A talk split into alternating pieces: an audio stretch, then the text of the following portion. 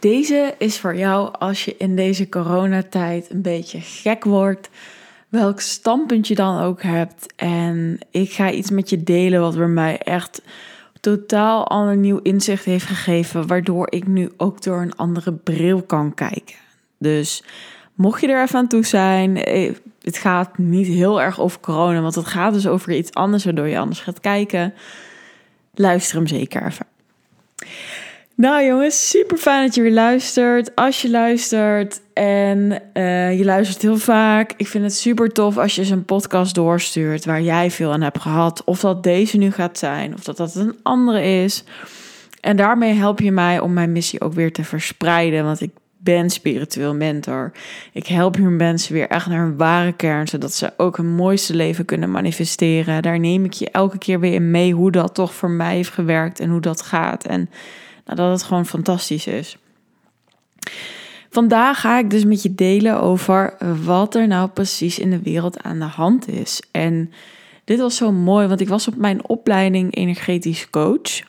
En dan was de inhaalles. Hè, daar heb ik ook wat over gedeeld. Dat ik dat spannend vond en hoe je dat dan lekker kan shiften. En ik was er op de opleiding en ik weet nog wel dat ze toen begonnen over corona. En toen dacht ik, oh jee, weet je, daar gaan we weer. Want um, ja, ik aan de ene kant probeerde ik een beetje weg, nou ja, niet weg te kijken, maar in ieder geval niet te veel te volgen. En aan de andere kant is het er wel. Dus het is ook best wel.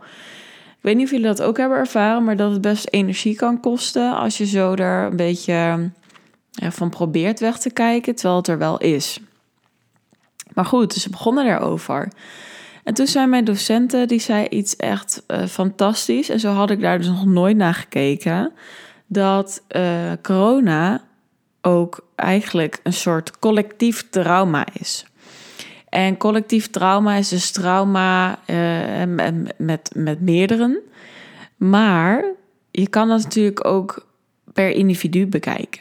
En toen vond ik hem heel boeiend worden, want toen dacht ik, ah, oké, en dat maakt dat ik zo handel, dat maakt dat ik dus zo doe en iemand anders doet zo. En dat heeft te maken dat we allemaal anders reageren op trauma. Allemaal anders reageren op trauma of pijn of emotionele pijn of hè, in ieder geval leed, hoe je het wil zeggen. En in, uh, ik zal je even meenemen hè, in het voorbeeld en ook hoe ik dat dan doe. En dat je dat voor jezelf ook kan gaan zien. En ik ging dus nadenken, ah oké, ja, tuurlijk. Ik, ik, weet je, het was zo'n nieuwe invalshoek. En terwijl eigenlijk dit is zo logisch, het kwam meteen binnen van, oh ja, dit is het. Want het veroorzaakt iets. Dus wij reageren op een bepaalde manier.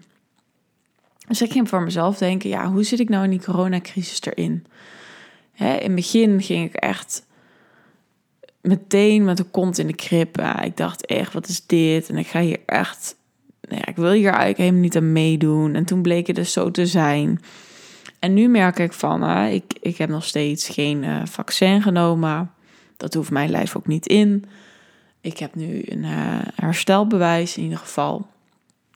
En ja, toen dacht ik, oh ja, wacht even, maar dit is ook weer een soort van verzetten. Hè? En ook van, hè, nou, ik ga dat vaccin niet nemen en kijk naar hoe ze het doen. Hè, ik voel echt dat we uit elkaar worden gedreven met z'n allen.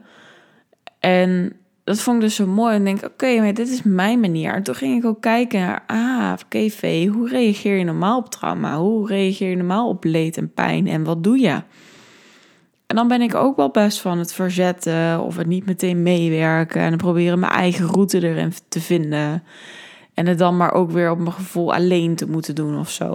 Hè? Om maar eventjes. Uh, om het zo, dan maar eens even zo uit te leggen. En toen dacht ik ook, ah ja, weet je, maar ik zie dus heel veel mensen om me heen die dus reageren op trauma. En door gewoon zo keurig mogelijk de regeltjes te volgen. En zo keurig mogelijk ja, alles mee te doen. En juist misschien in het extreme doorslaan van dit zijn de regels. Dat vond ik wel grappig, want ik stond, uh, ik was dus naar de sauna geweest. Hè. Als je hebt geluisterd, dan heb je het ook gehoord. het was super relaxed uiteindelijk. Als moet je me even terugluisteren van gisteren. En ik weet nog wel dat ik aan de balie stond. En um, toen daarna kwamen er mensen naast mij staan en die kwamen ook betalen. En die uh, mevrouw begon ook van, ja, weet je, sommige mensen kunnen gewoon niet tellen. Er zijn er tien, zijn er, dat er tien mensen in de bubbelbad mogen en er zitten er gewoon dertien in. En ja, weet je, en niemand zegt er wat van en er is geen personeel. Nou ja, en die begon dus zo.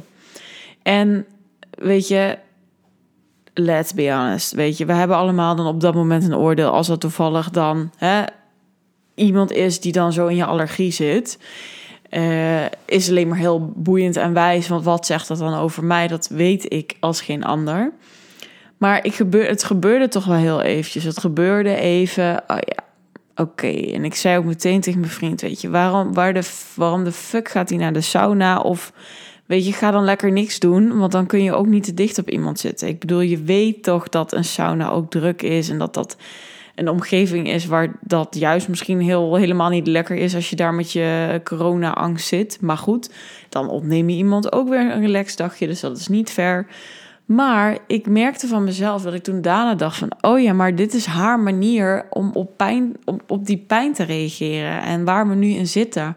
En toen kon ik hem al ja, iets anders bekijken, kon ik hem al iets lichter bekijken. En nu ook wat ik om me heen zie dat, uh, want ik draag ook geen mondkapje in de supermarkt of waar, dan ook. En als we vragen op te doen, dan. Ja, dat is eigenlijk nog niet eens gebeurd, dus dat kan ik niet beantwoorden. Maar dan ja, weet ik eigenlijk niet wat ik zou doen. En ik ben ook niet aangesproken nog tot nu toe. Maar soms zie ik dus iemand met een mondkapje op, soms niet. En dan denk ik ook van, oh ja, weet je, ik kan nu veel beter intunen op, oh ja, collectief trauma, hoe reageer je op trauma. En dat maakt dat je, dat je weer anders kijkt en denk je, oh ja, we zijn ook maar allemaal mens. En we doen ook maar allemaal ons best op onze manier, vanuit ons kader. En ook, ook de mensen die mij veroordelen dat ik geen prik neem en dat ik, dat ik egoïstisch ben en dat we dit toch met elkaar moeten doen. Weet je, ook die begrijp ik meer. In plaats dat ik dan meteen in de weerstand ga, meteen in de agressief bijna word van hè, wat kom je en het is mijn lichaam. En nou, dat zie ik van oké, ik snap het. En ik snap ook daarin dus je traumaverwerking, dat je dus mij mee wilt, want ik ben nu voor jou de blokkade. En het voelt gewoon zoveel lichter. En uh, dat, is, dat neem ik dus nu ook mee van oké, vanuit die, die bril kijk, blijf ik kijken. En ik weet ook uiteindelijk voor trauma of collectief trauma, weet je, dat, dat moeten we. Trauma moet je uiteindelijk aan willen kijken. En dat, dat kun je helemaal niet helen door wij, zij of de weerstand of nog meer haat of nog meer verdeeldheid. Uiteindelijk moeten wij naar iets, naar liefde toe. En hoe die liefde er dus uit gaat zien, dat is dus heel lastig. Want dat, daar vindt iedereen iets anders over. En uh, ik ben in ieder geval heel erg benieuwd hoe dit zo verder gaat. Hoe dit straks gaat uitpakken. En dit wilde ik dus gewoon heel graag even met je delen. Het is weer een hele korte. Maar ik hoop gewoon dat je er iets aan hebt. En ik hoop gewoon dat als je straks iemand anders ziet, of dat er, dat er iets is, of hè, of je nou bij de ene kant of de andere kant hoort, om het dan maar even zo stom te zeggen. Want ja, er zouden eigenlijk dus geen kanten moeten zijn. We moeten dit samen doen. We zitten in één bootje. En de ene zegt kom we gaan naar rechts en de andere zegt kom we gaan naar links. En dat bootje moet toch uiteindelijk naar dat eiland toe. Dus hoe gaan we dit doen? Maar ik hoop dat je dus anders naar kan kijken en dat het nooit te maken heeft met jou. En dat het al, dat heb ik ook gemerkt, van het is altijd een projectie van iemand anders, weet je. Ik zeg het al, ik heb het nog niet te horen gekregen. Maar ja, wat als je wel wordt aangesproken? Dan merk je gewoon dat de boosheid en de pijn, die wordt dan op jou geprojecteerd. En die komt nooit van jou. Dus ik hoop ook dat je het minder persoonlijk kan zien als je dit wel eens hebt meegemaakt. Hoop ik echt oprecht.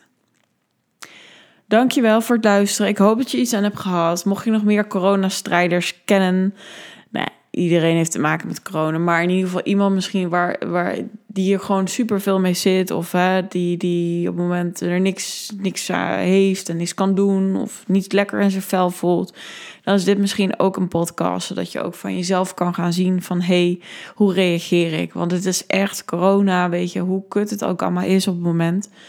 Het is ook een tijd van een bewustzijnsshift uh, en verandering. En daar mogen we echt met z'n allen in mee. En er zijn ook heel veel mensen die daar niet in meebewegen, maar ik hoop echt dat we daarheen kunnen gaan. Super bedankt voor het luisteren en ik spreek je volgende week.